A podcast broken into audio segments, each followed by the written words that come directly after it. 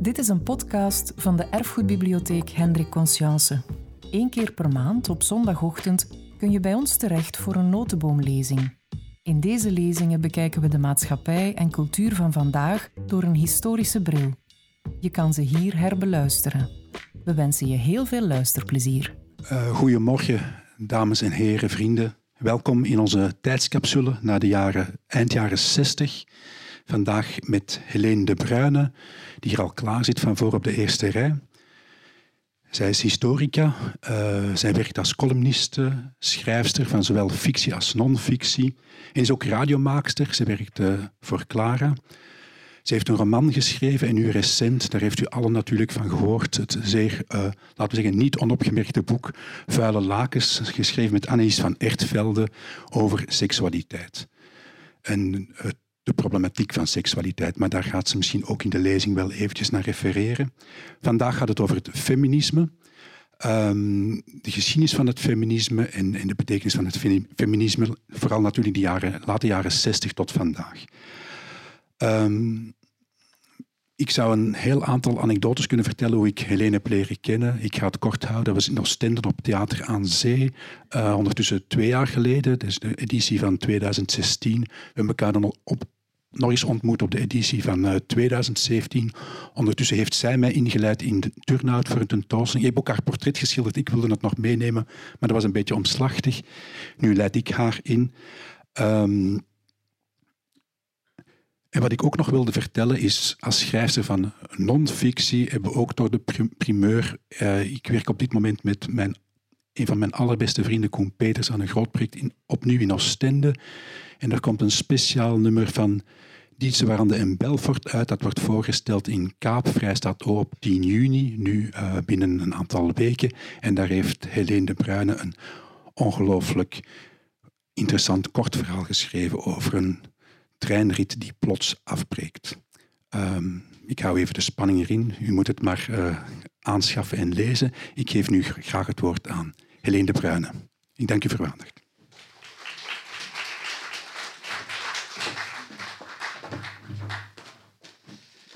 Dankjewel. Um, ja, ik heb de lezing nogal klassiek opgevat. Ik werk voor de radio. We zijn het niet gewend om beeld te gebruiken daar. Dus uh, jullie gaan naar mij moeten kijken, vrees ik. Of naar de boeken rond u, misschien nog beter. Of naar alle bustes die hier staan en die allemaal mannen zijn, wat ik toch wel treffend vind voor een uh, lezing over feminisme. Um, maar bon, misschien wordt het ooit beter. Alhoewel, ze zijn precies wel al vol, die nissen. Dus ik weet niet of we er nog een vrouw gaan bij krijgen ooit. Um, ja, waarom noem je jezelf eigenlijk feminist? Dat is een vraag die ik minstens twee keer per maand krijg en meestal niet al te vriendelijk. Uh, want het feminisme heeft geen al te goede reputatie. Je kent de clichés wel. Hysterische vrouwen in tuinbroeken, mannenhaters.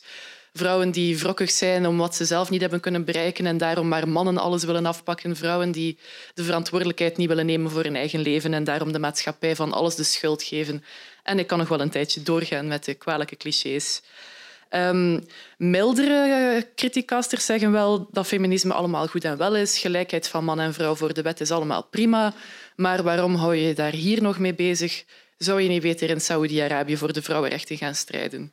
Dan antwoord ik dat, ik um, dat die persoon misschien de honger in Afrika kan gaan verhelpen in plaats van tegen mij te praten. Maar um, nu, het komt erop neer dat het eh, man-vrouw debat zo verzuurd is dat ik mij vaak afvraag waarom ik eh, de, de, fout, de tactische fout heb begaan om mezelf in het openbaar feminist te noemen. Het maakt mijn leven er niet makkelijker op. Nu, maar wat, wat is het feminisme eigenlijk en bestaat dat überhaupt wel? De meest gangbare definitie van een feminist is iemand die streeft naar gelijkheid tussen mannen en vrouwen. En als je een willekeurige groep mensen vraagt of ze vinden dat mannen en vrouwen eh, gelijk moeten zijn voor de wet, dan zullen die allemaal braaf ja knikken, neem ik aan. Is er hier iemand die dat wil tegenspreken? Dat, dat kan, mag. Um, en dan zeggen ze, ja, die moet er zijn, maar daar heb je toch het feminisme niet voor nodig. Is dat niet gewoon het humanisme of mensenrechten of wat dan ook? Nu, binnen het feminisme bestaan er natuurlijk veel stromingen, nuances, andere accenten, andere ideeën over hoe die gelijkheid bereikt moet worden en wat dat eigenlijk is, überhaupt gelijkheid. En dan is er nog de hele academische tak van het feminisme, uh, die heel veel koppig is en die, net zoals veel andere academische disciplines, nogal opgesloten zit in de ivoren toren. Ehm, er is namelijk niet een soort van raad van opperheksen die één keer per jaar samenkomen om dan heel luidlachend uh, de bozaardige agenda van het feminisme te bepalen. Er is geen dogma. Er zijn eigenlijk gewoon feministen en stromingen. En, daar komt het op neer. Meer is er niet. Want het feminisme ontstaat nooit in een vacuüm. Feministen worden altijd gevormd door een tijd en in een omgeving.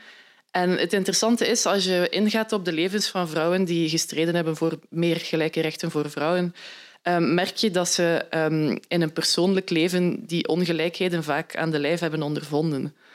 Als ik kijk naar de feministen uit het verleden die ik bewonder, merk ik dat ze dat allemaal delen. Een bepaald lak aan de conventies, een lak ook aan het leven zoals het zou moeten zijn. Um, ik zal nu een paar van de vrouwen bespreken die mij erg hebben geïnspireerd, omdat hun argumenten die ze formuleerden in een samenleving en tijd die nog helemaal anders was dan, dan de onze, toch nog altijd zinnig zijn en omdat ze het hedendaagse feminisme, denk ik, ook zouden kunnen inspireren. Um, ze zijn wel helaas allemaal uit het verleden. Dat is dan misschien symptomatisch voor het uh, feminisme van vandaag, maar daar kom ik uh, op het einde nog eens op terug.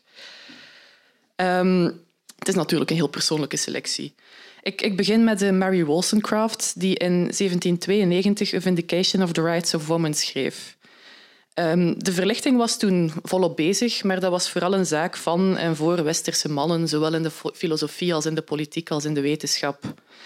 En toch schreef Mary Wollstonecraft toen een pleidooi om vrouwen evenveel rechten te geven als mannen. Um, ze werd zelf geboren in 1759 als dochter van een verarmde zakdoekenwever. Wat dat dan precies inhoudt, weet ik niet. maar um, en ze was heel intelligent als kind en ze mocht uh, niet studeren, in tegenstelling tot haar broer, die ze zelf veel dommer vond. Dus dat was al een enorme frustratie voor haar. Een mogelijke oplossing was in die tijd natuurlijk van um, ja, vader was arm, waar, moet, waar moet je heen als vrouw? Zoek je een goede echtgenoot? En wees een brave huisvrouw, maar daar had Mary helemaal geen zin in. Um, ze is dan maar gouvernante geworden, um, maar dat beviel haar helemaal niet, want ze was niet zo gehoorzaam en het was lastig om te um, gehoorzamen aan wat die adellijke dames van haar wilden. En later heeft ze ook nog uh, eventjes een meisjesschool opgericht. Maar dat is ook een beetje in de soep gedraaid. En uiteindelijk is ze erin geslaagd om uh, van haar pen te gaan leven, wat in die tijd echt heel uitzonderlijk was, want de meeste uh, schrijvers, behalve van romans dan, maar dat waren er ook niet zoveel, waren mannen. En om een uitgever in Londen zover te krijgen dat die je werk wil uitgeven als vrouw, dat is nogal een krachttoer. Ze, ze, was begonnen met een boekje over de opvoeding van de meisjes. Um, dat, was, dat was haar debuut en daarna publiceerde ze in allerlei kranten en tijdschriften. Um, ah ja, haar liefdesleven, ook misschien interessant om te vermelden, was nogal rommelig en onconventioneel. Ze was een liefje van, van allerlei um, artiesten en schrijvers. Uh, niet omdat um, die mannen haar niet wilden huwen, maar omdat zij zelf absoluut niet wilde trouwen. Uh, ze kreeg ook een kind van een van haar minnaars, maar wilde zelfs toen ze zwanger was en de man bleef aandringen, wilde ze nog niet met hem trouwen. En later kreeg ze een affaire met uh, William Godwin, de filosoof. Um, ze waren allebei tegen het huwelijk en lieten elkaar ook vrij om nog andere affaires te beleven. Nu, uiteindelijk is ze dan toch met hem getrouwd toen ze voor de tweede keer zwanger was. Want twee keer een buitenechtelijk kind en dan nog van twee verschillende vaders, dat zou een beetje een te groot maatschappelijk stigma zijn. Maar ze is dan uiteindelijk gestorven in het kraambed van die dochter, Mary Godwin, die later trouwens um, Frankenstein zou schrijven als Mary Shelley, de naam van haar echtgenoot dan. Uh, het is trouwens 200 eh, jaar geleden en dat wordt dit jaar nogal gevierd. Want dat boek is veel interessanter dan je zou denken. Het is niet zomaar een, um, een griezelverhaal over een eng monster. Er zitten allerlei maatschappelijke bespiegelingen in. Maar ik ben aan het afwijken. Nu, Mary, Wollstonecraft was nogal onder de indruk van de Franse revolutie, zoals de meeste intellectuelen in haar tijd. En ze reisde dan ook eventjes naar Parijs. En in 1790 kwam ze terug met allemaal ideeën die ze daar had opgedaan. En ze schreef toen A Vindication of the Right of Man als reactie op de conservatieve kritiek van Burke op de Franse revolutie. Wat behoorlijk indrukwekkend is, want als vrouw probeerde ze zich al meteen te meten met de, de grote gevestigde intellectueel Burke. Nu, ze bleef verder nadenken over die idealen van vrijheid en gelijkheid die ze daar had opgepikt. Um, maar ze vond het heel bizar dat geen enkele revolutionair eraan had gedacht om diezelfde rechten ook aan vrouwen toe te kennen. Daar waren ze gewoon echt niet mee bezig.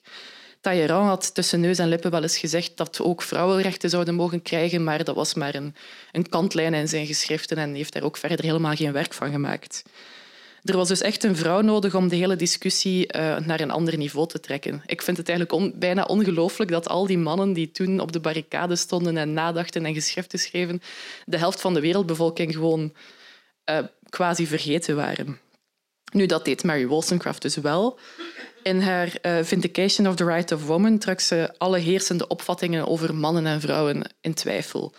Um, bijvoorbeeld Rousseau, die pakt ze nogal stevig aan. Uh, hij zegt namelijk dat vrouwen van nature, tussen aanhalingstekens, ondergeschikt zijn en liever met de poppen spelen dan ravotten en daarom alleen maar geschikt zijn als moeder en goed gezelschap. Maar daar, zegt ze, verwart hij cultuur met de natuur. En veel mannen maken die fout, beschrijft ze. Ze geloven in een soort onveranderlijke menselijke natuur, maar daar twijfelt zij heel hard aan. Het is interessant, want het hele debat over natuur versus cultuur en nature versus nurture wordt nog altijd uh, gevoerd vandaag. Sla de krant er maar eens op, uh, op uh, na als het over man-vrouw dingen gaat. Er komt altijd wel iemand af met een argument uit het steed en tijdperk en onze menselijke aard. Um, dus dat was toen ook al aan de hand. Nu, maar ze schrijft wel, het is wel degelijk zo dat de meeste vrouwen zich als debielen gedragen. Um, ik lees even voor. Het is trouwens pas vorig jaar vertaald naar het Nederlands haar boek, wat ik ook laat vind. Maar, uh, het gedrag en de zeden van vrouwen laten zien dat hun geest in een ongezonde staat verkeert, schrijft ze. Vrouwen zijn ijdel, vrouwen roddelen, vrouwen zijn de hele tijd bezig met intriges en, uiterlijke opsmuk en, en, kunnen zich daarom niet aan de essentie houden en zichzelf tot een beter mens maken door goed na te denken. Maar de oorzaak daarvan, zegt ze, dat is niet hun natuur of hun aard. Dat is een verkeerd systeem van educatie dat is ingericht aan de hand van boeken die mannen over dit onderwerp schreven. Mannen die vrouwen niet zien als menselijke schepselen en er daardoor meer streven hen tot bevallige geliefden te maken dan tot liefhebbende echtgenoten en rationele moeders. Nu, daar is haar argumentatie eigenlijk heel slim. Um, ze zegt aan mannen van kijk, ja, jullie moeten vrouwen wel beter opvoeden, want um, jullie willen toch intelligente moeders en slimme partners. Um, ik denk niet dat ze dat zelf echt geloofde. Als je naar haar eigen leven kijkt, dan zie je dat ze het eh, heel anders heeft ingericht en dat het absoluut niet haar bedoeling was om alleen maar echtgenote en moeder te zijn. Maar die argumentatie werkt wel, want in Zweden en in, in andere Scandinavische landen hebben de suffragettes die later opgepikt om ook stemrecht te krijgen. En ook beter onderwijs voor vrouwen te krijgen. Zo van mannen, jullie willen toch intelligente moeders die de kinder, kinderen goed gaan opvoeden. Dus het is belangrijk dat vrouwen ook naar school mogen en ook mee mogen beslissen over, um, over de regering. En dat heeft wel goed gewerkt, want in Scandinavië hebben vrouwen eerder stemrecht gekregen dan bij ons. Nu, de crux van um, het hele discours van Mary Wollstonecraft is eigenlijk vrouwen zijn geen debielen, vrouwen worden tot debielen opgevoed. En dat moet anders. Dan pas kunnen vrouwen gelijke rechten krijgen, de gelijke rechten die ze volgens haar verdienen. Um, en daarom hamert ze heel hard op onderwijs natuurlijk. Um, en dat, het onderwijs voor meisjes was toen stukken beperkter dan voor jongens. Haar tekst barst van de frustratie, maar ook van, van de hoop op beterschap. En klinkt eigenlijk verrassend hedendaags over schoonheidsnormen bijvoorbeeld. Um, daar, daar zijn er passages die ik echt heel geestig vind. Ze schrijft dat vrouwen alleen maar leren met bezig te zijn met een uiterlijk om mannen te behagen. En daar gaat al een tijd, energie en geld aan op. En daardoor kunnen ze zich niet focussen op een intellectuele zelfontplooiing. Dat is een punt dat de feministen in de jaren 60 en 70, trouwens, uh, late jaren 60, trouwens ook erg belangrijk vonden. Zal nog eens een passage voorlezen is er voor een beschouwelijke geest een droefgeestiger aanblik dan de talloze rijtuigen in de metropool, die van winkel naar winkel snellen op zoek naar nieuwe mode, rijtuigen gevuld met bleke schepselen die zichzelf ontvluchten. Dat klinkt eigenlijk al een beetje als Betty Friedan in, in eh, de jaren zestig in Amerika. Nu, het uitzonderlijke aan Wollstonecraft vind ik, um, het woord feminisme bestond toen nog niet eens. Dat is pas ergens in de 19e eeuw bedacht door een utopisch um, um, socialist die had ook helemaal geen groep van gelijkgestemde vrouwen rond zich. Er was nog geen feministische traditie. En toch is ze erin geslaagd om, om tot zichzelf, op zichzelf tot zo'n originele ideeën te komen die nog altijd relevant zijn. Um, dat vind ik toch behoorlijk indrukwekkend. Het boek in zijn tijd uh, was nogal een bestseller, um, maar dat was ook een beetje uit ramptoerisme, want het kreeg bakken kritiek. Um, want het was ongehoord dat een vrouw zo'n dingen dacht en schreef. Horace Walpole noemde haar bijvoorbeeld een hyena in petticoats. En na haar dood in het kraambed dus, um, was haar geliefde Godwin um, heel erg ontsteld dat, dat zijn geliefde gestorven was, zijn geestverwant ook. En die heeft een boek over haar geschreven waarin hij schrijft over haar denkwerk. Maar ook, en dat was een grote vergissing, waarin hij ook beschrijft hoe ze haar liefdesleven een vorm heeft gegeven. Dat was dus nogal onconventioneel. En daardoor is ze na haar dood compleet verketterd en verguisd als een soort uh, losbandige slet en is haar boek een beetje in de vergetelheid geraakt. Um, dus op dat moment heeft het eigenlijk niet zoveel invloed gehad. Maar de feministes van de late 19e en de vroege 20e eeuw hebben het wel weer opgepikt en hebben veel van haar argumenten voor beter onderwijs voor meisjes eigenlijk letterlijk overgenomen. Um, nu, toen Wollstonecraft haar pleidooi voor opvoeding schreef, stond de biologie nog in de kinderschoenen. Het was vrij makkelijk om te zwaaien met de natuur als argument, want de wetenschap wist eigenlijk nog niet zo goed hoe wij als mens en als soort in elkaar zaten. Tot Darwin op de proppen kwam natuurlijk eh, met zijn evolutietheorie um, On the Origin of Species is van 1859. Nu, de fundamenten van zijn denkwerk over selectie en seksuele selectie staan nog altijd als een huis. Maar um, als je dan kijkt wat hij over vrouwen dacht en schreef, was dat toch vrij teleurstellend. Nu, ter zijner verdediging, hij was natuurlijk een kind van zijn tijd. En in het Victoriaanse tijdperk was de vrouw nog meer dan ten tijde van Mary Wollstonecraft echt aan de privésfeer gebonden, werd zij geacht om thuis te blijven en voor de kinderen te zorgen. Er is zo'n beroemd gedichtje, Angel in the House, dat uh, um, ja, echt zin na zin doorgaat over de bedeesde, lieve, kalme, moederlijke vrouw. En dat was dan het absolute ideaalbeeld. Um, dus Darwin baseerde als bioloog zijn, zijn theorieën op zijn waarneming. En wat hij rond zich zag, was natuurlijk dat er geen vrouwelijke wetenschappers waren en geen vrouwelijke schrijvers en ook geen vrouwelijke kunstenaars.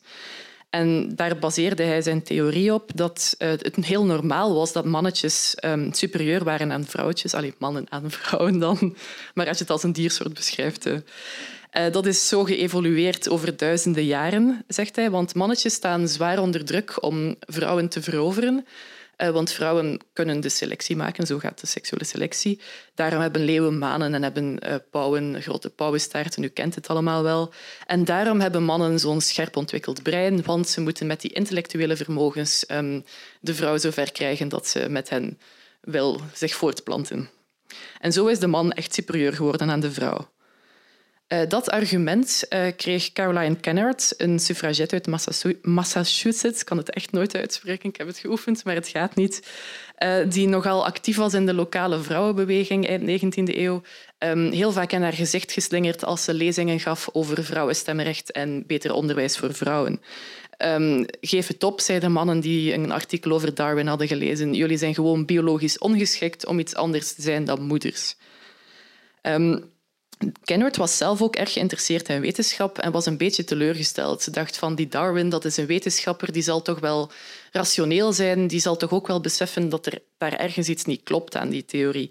Dus ze heeft hem een eh, heel beleefde brief geschreven in 1881, waarin ze zegt als er hier sprake is van een vergissing, moet het grote aanzien van uw mening en gezag van blaam worden gezuiverd.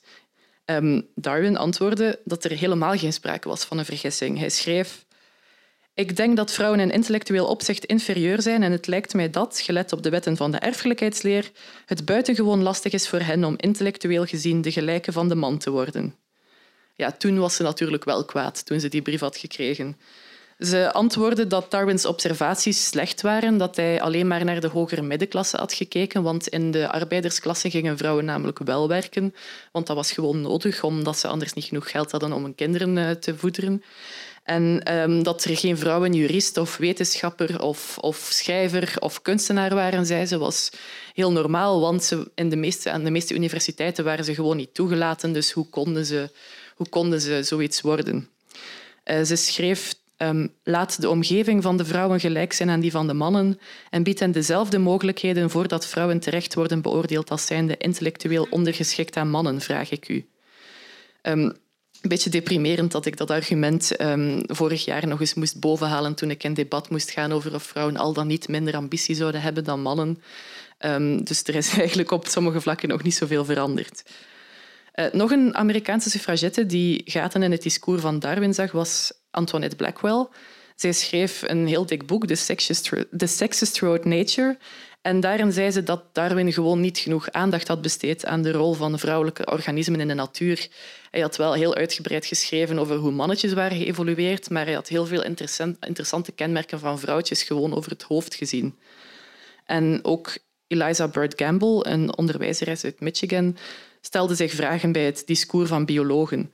Ook zij sloot zich jaren op in bibliotheken om dan in 1894 naar buiten te komen met het boek met de lange titel The Evolution of Woman, An Inquiry into the Dogma of Her Inferiority to Man.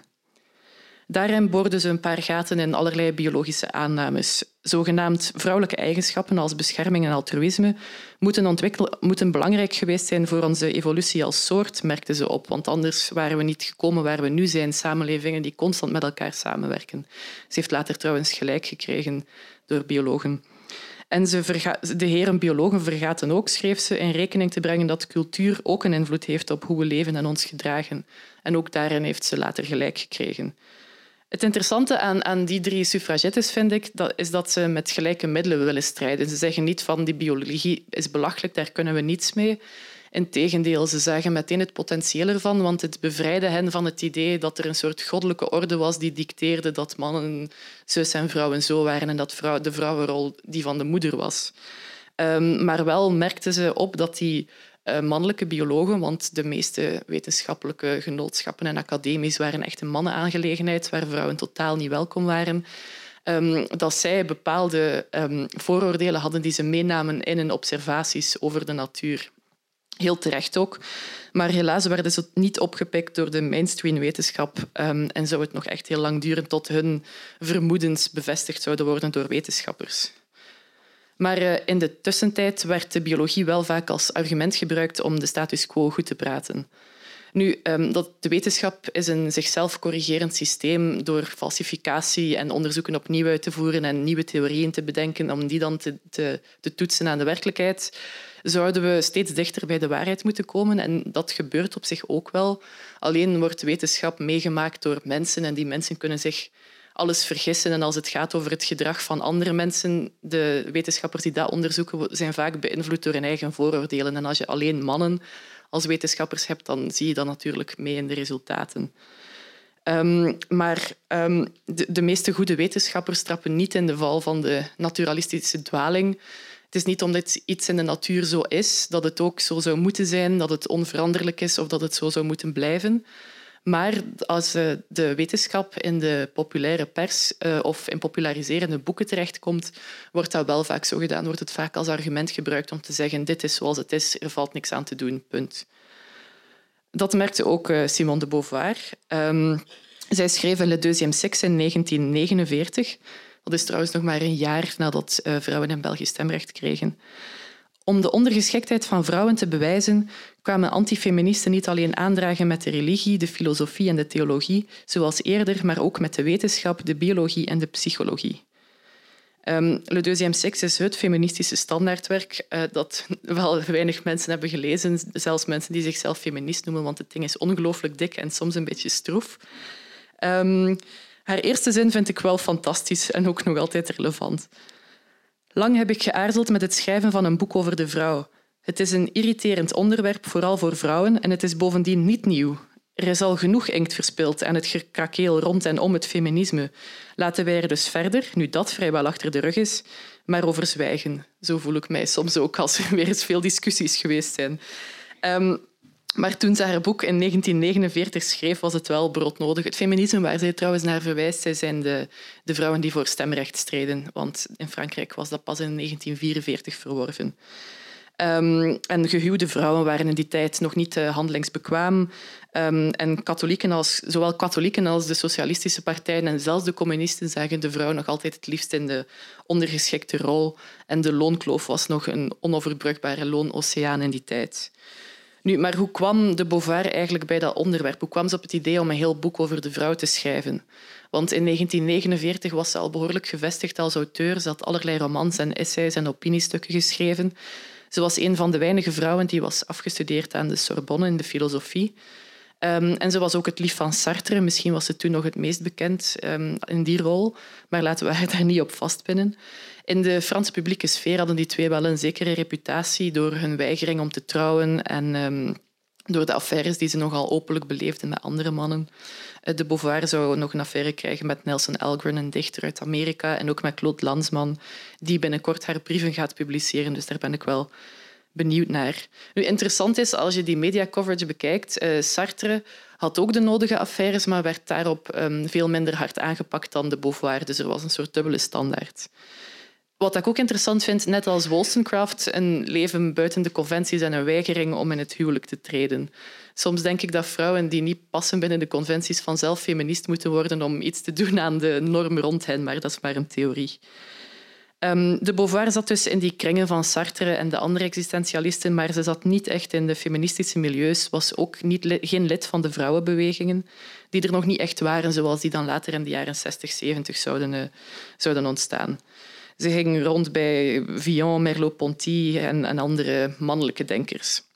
Nu, de mare gaat dat het idee voor het boek haar is ingefluisterd door Sartre, maar dat zijn we niet zeker, dus ik eh, doe alsof dat niet zo is. Um, ik neem aan dat ze vanuit haar eigen ervaring als vrouw in een mannenwereld zal vertrokken zijn, zoals de existentialisten en de fenomenologen wel vaker deden. Hun filosofie was een geleefde filosofie en vertrok vanuit ervaring. Maar het boek voelt totaal niet persoonlijk aan. Het is toegepaste filosofie. Ze kijkt als filosoof naar de geschiedenis van de mens, die ze interpreteert als de geschiedenis van het patriarchaat, en naar het leven van de vrouw als in de maatschappij van haar tijd. En um, wat ze moet vaststellen is niet, niet echt uh, rooskleurig. De vrouw is altijd ondergeschikt geweest aan de man, schrijft ze. De man is het referentiekader, de norm, het middelpunt van alles en de vrouw is de tweede sekse. Vandaar de titel dus. Het is echt een titanenwerk vol referenties naar eh, cultuur, filosofie, antropologie, geschiedenis, literatuur, sociologie en psychoanalyse. Ze haalt er echt alles bij. De passages over de psychoanalyse vind ik wel het meest vermoeiend. Die voelen ook een beetje gedateerd aan.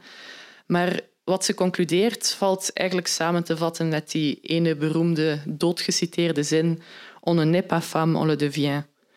Daarmee doet ze niet alsof biologie niet bestaat en wij geen baarmoeder hebben, maar ze legt wel bloot hoe wij van kindsbeen af al anders worden opgevoed dan mannen, hoe de cultuur andere verhalen over ons vertelt.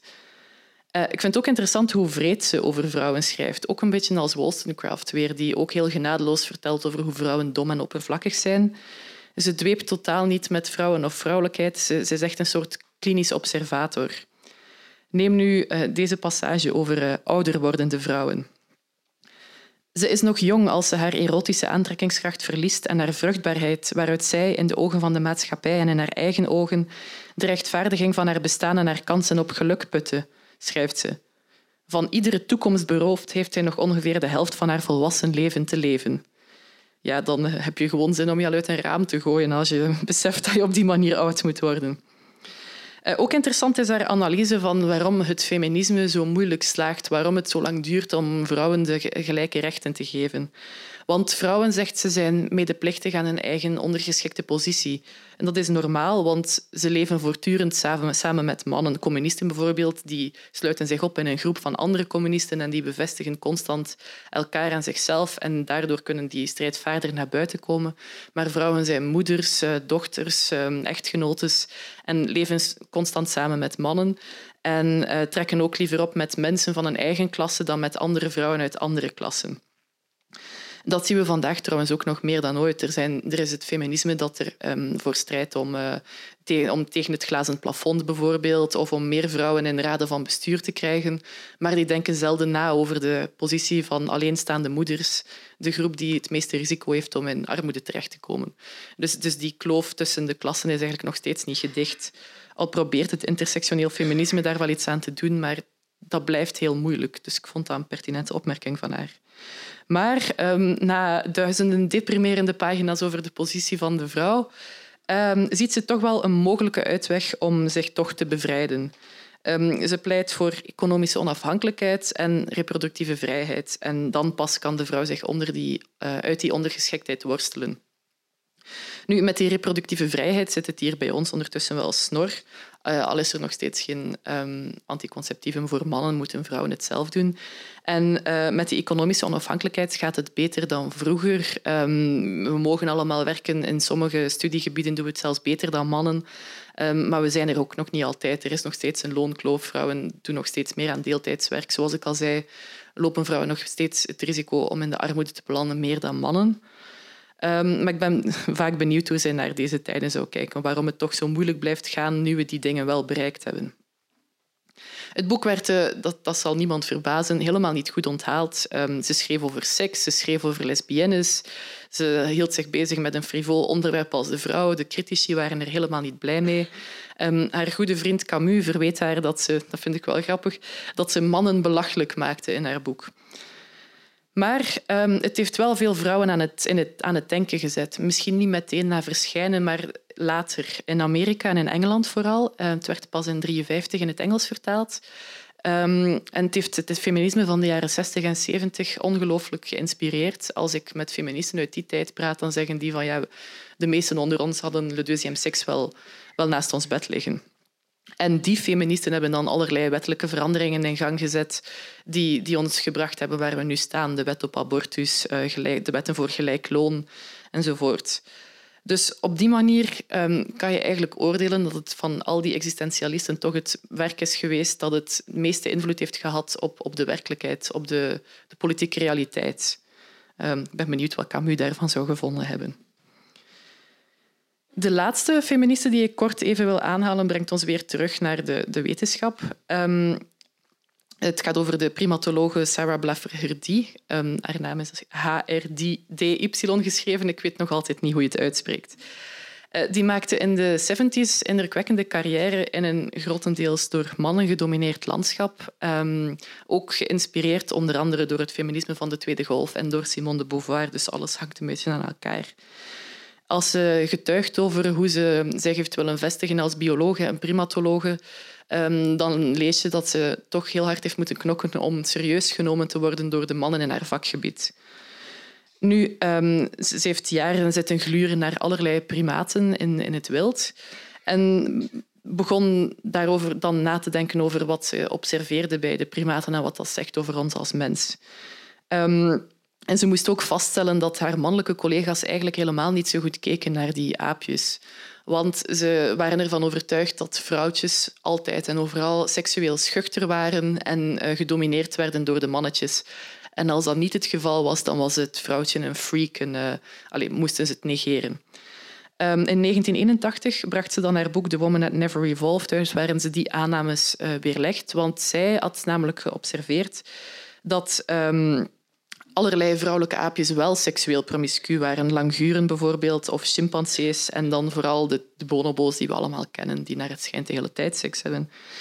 En ze hebben ook allerlei seksuele strategieën. Um, ze slapen bijvoorbeeld vaak met meerdere mannetjes om zo te voorkomen dat eh, de mannetjes de kinderen kwaad zouden doen. Want als ze niet weten van wie, de, uh, van wie het kind is, dan, gaat, dan gaan alle mannetjes in de groep het kind gewoon rustig laten opgroeien.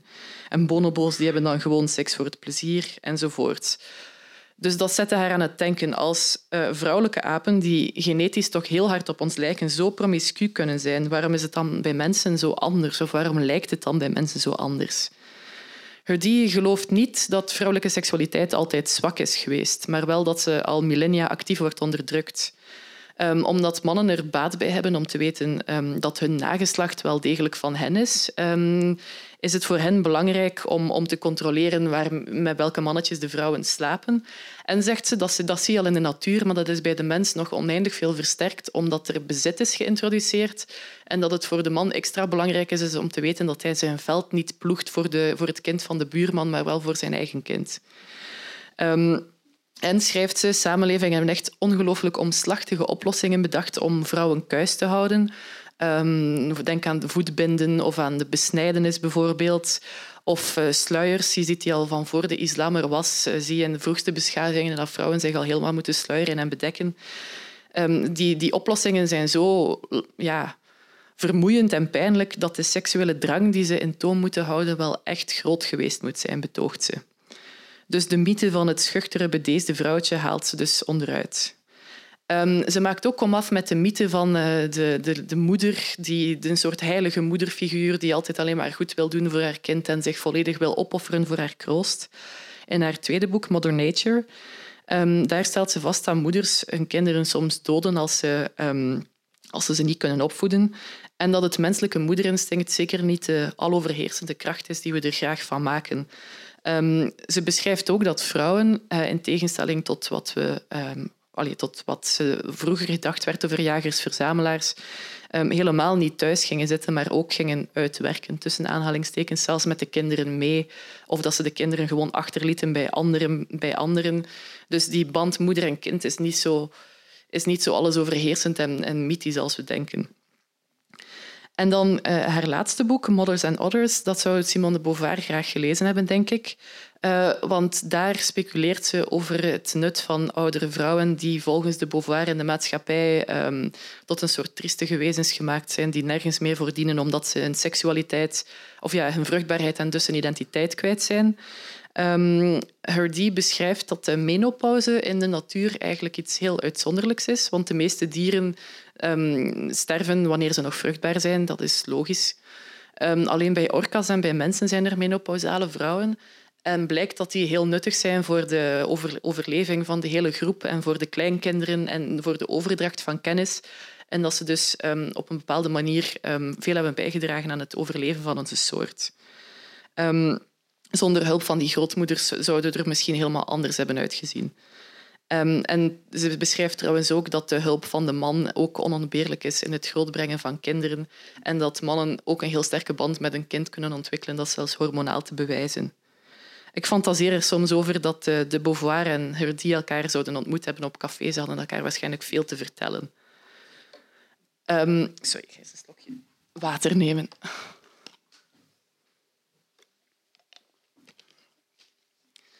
Nu, wat ik boeiend vind aan, uh, aan de feministen, of ja, proto-feministen die ik net heb uh, opgenoemd, is dat uh, hun feminisme vooral een manier is om naar de wereld te kijken, eerder dan iets om voor op de barricades te gaan staan. Het is een manier om de gaten en de blinde vlekken in het denkwerk van mannen, um, van het establishment in een tijd, te dichten. En wat ze schrijven blijft ook zonder uitzondering heel relevant. Wollstonecraft gehamer op goed onderwijs als motor van emancipatie bijvoorbeeld. Of um, die, die de wetenschap um, nieuwe inzichten geeft. Of de Beauvoirs nadruk op reproductieve rechten en economische onafhankelijkheid dat is iets waar we heel alert voor moeten blijven. Ik had het net al over um, alleenstaande moeders die veel sneller in de armoede terechtkomen. Maar denk ook bijvoorbeeld aan Polen en Hongarije, waar zo steeds meer kleine wetten worden ingevoerd die het moeilijker maken om voorbehoedsmiddelen vrij te krijgen. Of Amerika, waar Trump uh, allerlei centra van Planned Parenthood sluit. Dus je merkt als een, als een maatschappij um, dat dat um, conservatiever wordt, dat dat de eerste dingen zijn die teruggedraaid worden. Uh, helaas mis ik zo'n denkers vandaag een beetje. Het feminisme lijkt weer groot, maar uh, de feministen die licht op zich krijgen zijn geen grote denkers, zijn ook geen activisten die in moeilijke omstandigheden in pakweg Egypte of Saoedi-Arabië hun werk moeten doen. Die zijn er zeker ook. Uh, maar dat is Beyoncé die op een podium staat met het woord feminist achter zich, of Lina Dunham of Emma Watson, die empowerende boodschappen op Twitter en social media verspreiden. Um, nu, veel van het feminisme heeft zich naar de social media verplaatst, wat mij logisch lijkt, want veel van de maatschappelijke debatten tout hebben zich naar eh, de social media verplaatst. Um, en het kan natuurlijk ook geen kwaad wat ze doen. Ik wil daar niet minachtend over doen, maar het, is, het heeft zijn beperkingen, dat, dat soort um, internetfeminisme. Want het gaat vaak over persoonlijke groei en een persoonlijke strijd, je goed voelen in je lichaam, assertief leren worden in een omgeving die gedomineerd wordt door mannen. Um, dat is allemaal nuttig, maar het is een individueel beleefd feminisme dat vaak nogal anekdotisch blijft. Nu, de werkelijkheid is vandaag natuurlijk uh, behoorlijk complex en lijkt volgens mij ook heel complex. Um, en er is nog veel ongelijkheid, geworteld in allerlei machtsstructuren, maar onderzoeken hoe die precies gereproduceerd wordt, um, is denk ik uh, heel moeilijk geworden. En net zoals de hele wereld in het algemeen minder vatbaar lijkt, wordt het steeds moeilijker om te analyseren hoe het nu precies zit met die genderverhoudingen en waar we heen gaan en, en hoe het zou moeten zijn. En daarom lijkt het mij logisch dat veel feministen zich focussen op een soort zelfontplooiing. waar ze als vrouwen natuurlijk uh, evenveel recht op hebben als mannen. Maar dat valt nog te controleren. Je persoonlijk leven is nog iets overzichtelijks wat je in de hand kan houden. Ik denk dat we de recente MeToo-golf um, ook zo moeten kaderen. Het was zo groot omdat heel veel vrouwen effectief persoonlijke ervaringen hebben met grensoverschrijdend gedrag. En dan wordt dat snel een heel groot koor dat die ervaringen deelt. Um, nu, om de link te maken met de jaren zestig. Um, we hebben een seksuele revolutie gehad. Maar die seksuele revolutie um, heeft eigenlijk, was eigenlijk minder feministisch dan je zou denken. Het betekende, die, hele seksuele vrijheid en blijheidcultuur was vooral gericht op het genot van de man. En door de pil is zeker heel belangrijk geweest. Maar het is niet het discours van de feministen toen is niet veel minder in de mainstream geraakt dan we zouden denken. Dus ik denk dat MeToo ook te maken heeft met het feit dat die seksuele revolutie niet voor iedereen gelijk is uitgedraaid. Dat seks overal is, maar dat vrouwelijk genot nog altijd achtergesteld wordt en, of ja, achtergesteld als minder belangrijk wordt ervaren. En dat mannen zich nog steeds denken dingen te kunnen permitteren. Waarmee ik niet wil zeggen dat er geen vrouwen zijn die mannen misbruiken, maar het is minder structureel. Um, nu, dan kom ik denk ik bij de grootste uitdaging van het hedendaagse feminisme, dat in de jaren dat doorheen het feminisme vroeger een beetje genegeerd is, wat mij normaal lijkt, want er was veel om op te focussen en veel om over na te denken als vrouw, maar de man is niet echt bij dat verhaal betrokken. Um, ja, zoals de Beauvoir ook zei, de man was de norm, dus daar moest niet echt aan getornd worden. Um, en de, de feministen van de jaren 60 en 70 trokken zich ook vaak terug in, in vrouwengroepen waar geen mannen welkom waren, wat heel begrijpelijk is als je wil in een veilige omgeving wil reflecteren over jezelf. Maar ik denk dat de boodschap um, daarom niet goed is aangekomen bij veel mannen. En dat veel mannen daarom een soort clichébeeld hebben van feministen nog altijd. Want het gaat inderdaad beter met westerse vrouwen. Um, en zij reflecteren al een paar decennia over wat het betekent om vrouw te zijn. En uh, hoe je die rol kan invullen en hoe die meer kan zijn dan, dan alleen het moederschap en, het, en het, de rol van echtgenoten. Niet dat daar iets mis mee is, maar er zijn meer opties. Um, maar de man is een beetje achtergebleven. De man is een vader, is een kostwinner, is de sterke schouder. Het zijn clichés, maar er zijn niet echt veel andere nieuwe rollen voor mannen ontstaan, tegelijk met die nieuwe rollen voor vrouwen.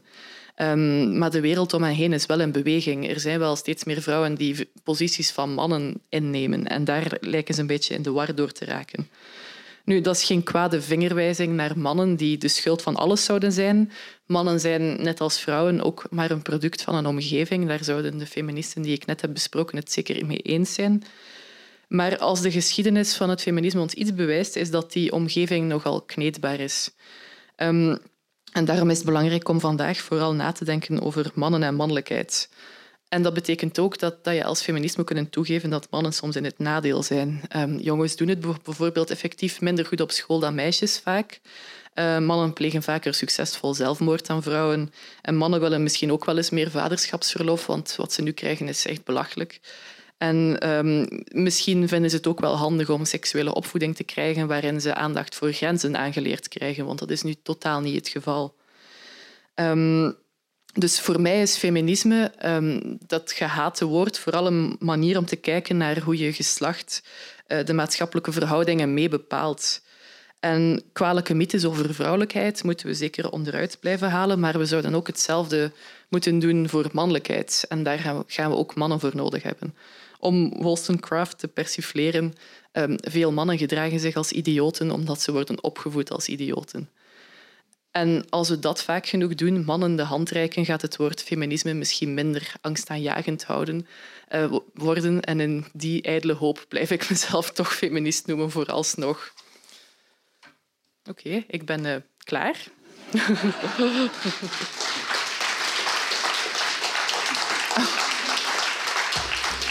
Je luisterde naar een podcast van de Erfgoedbibliotheek Hendrik Conscience. Wil je nog een andere lezing beluisteren? Ga dan naar www.consciencebibliotheek.be-herbeluister.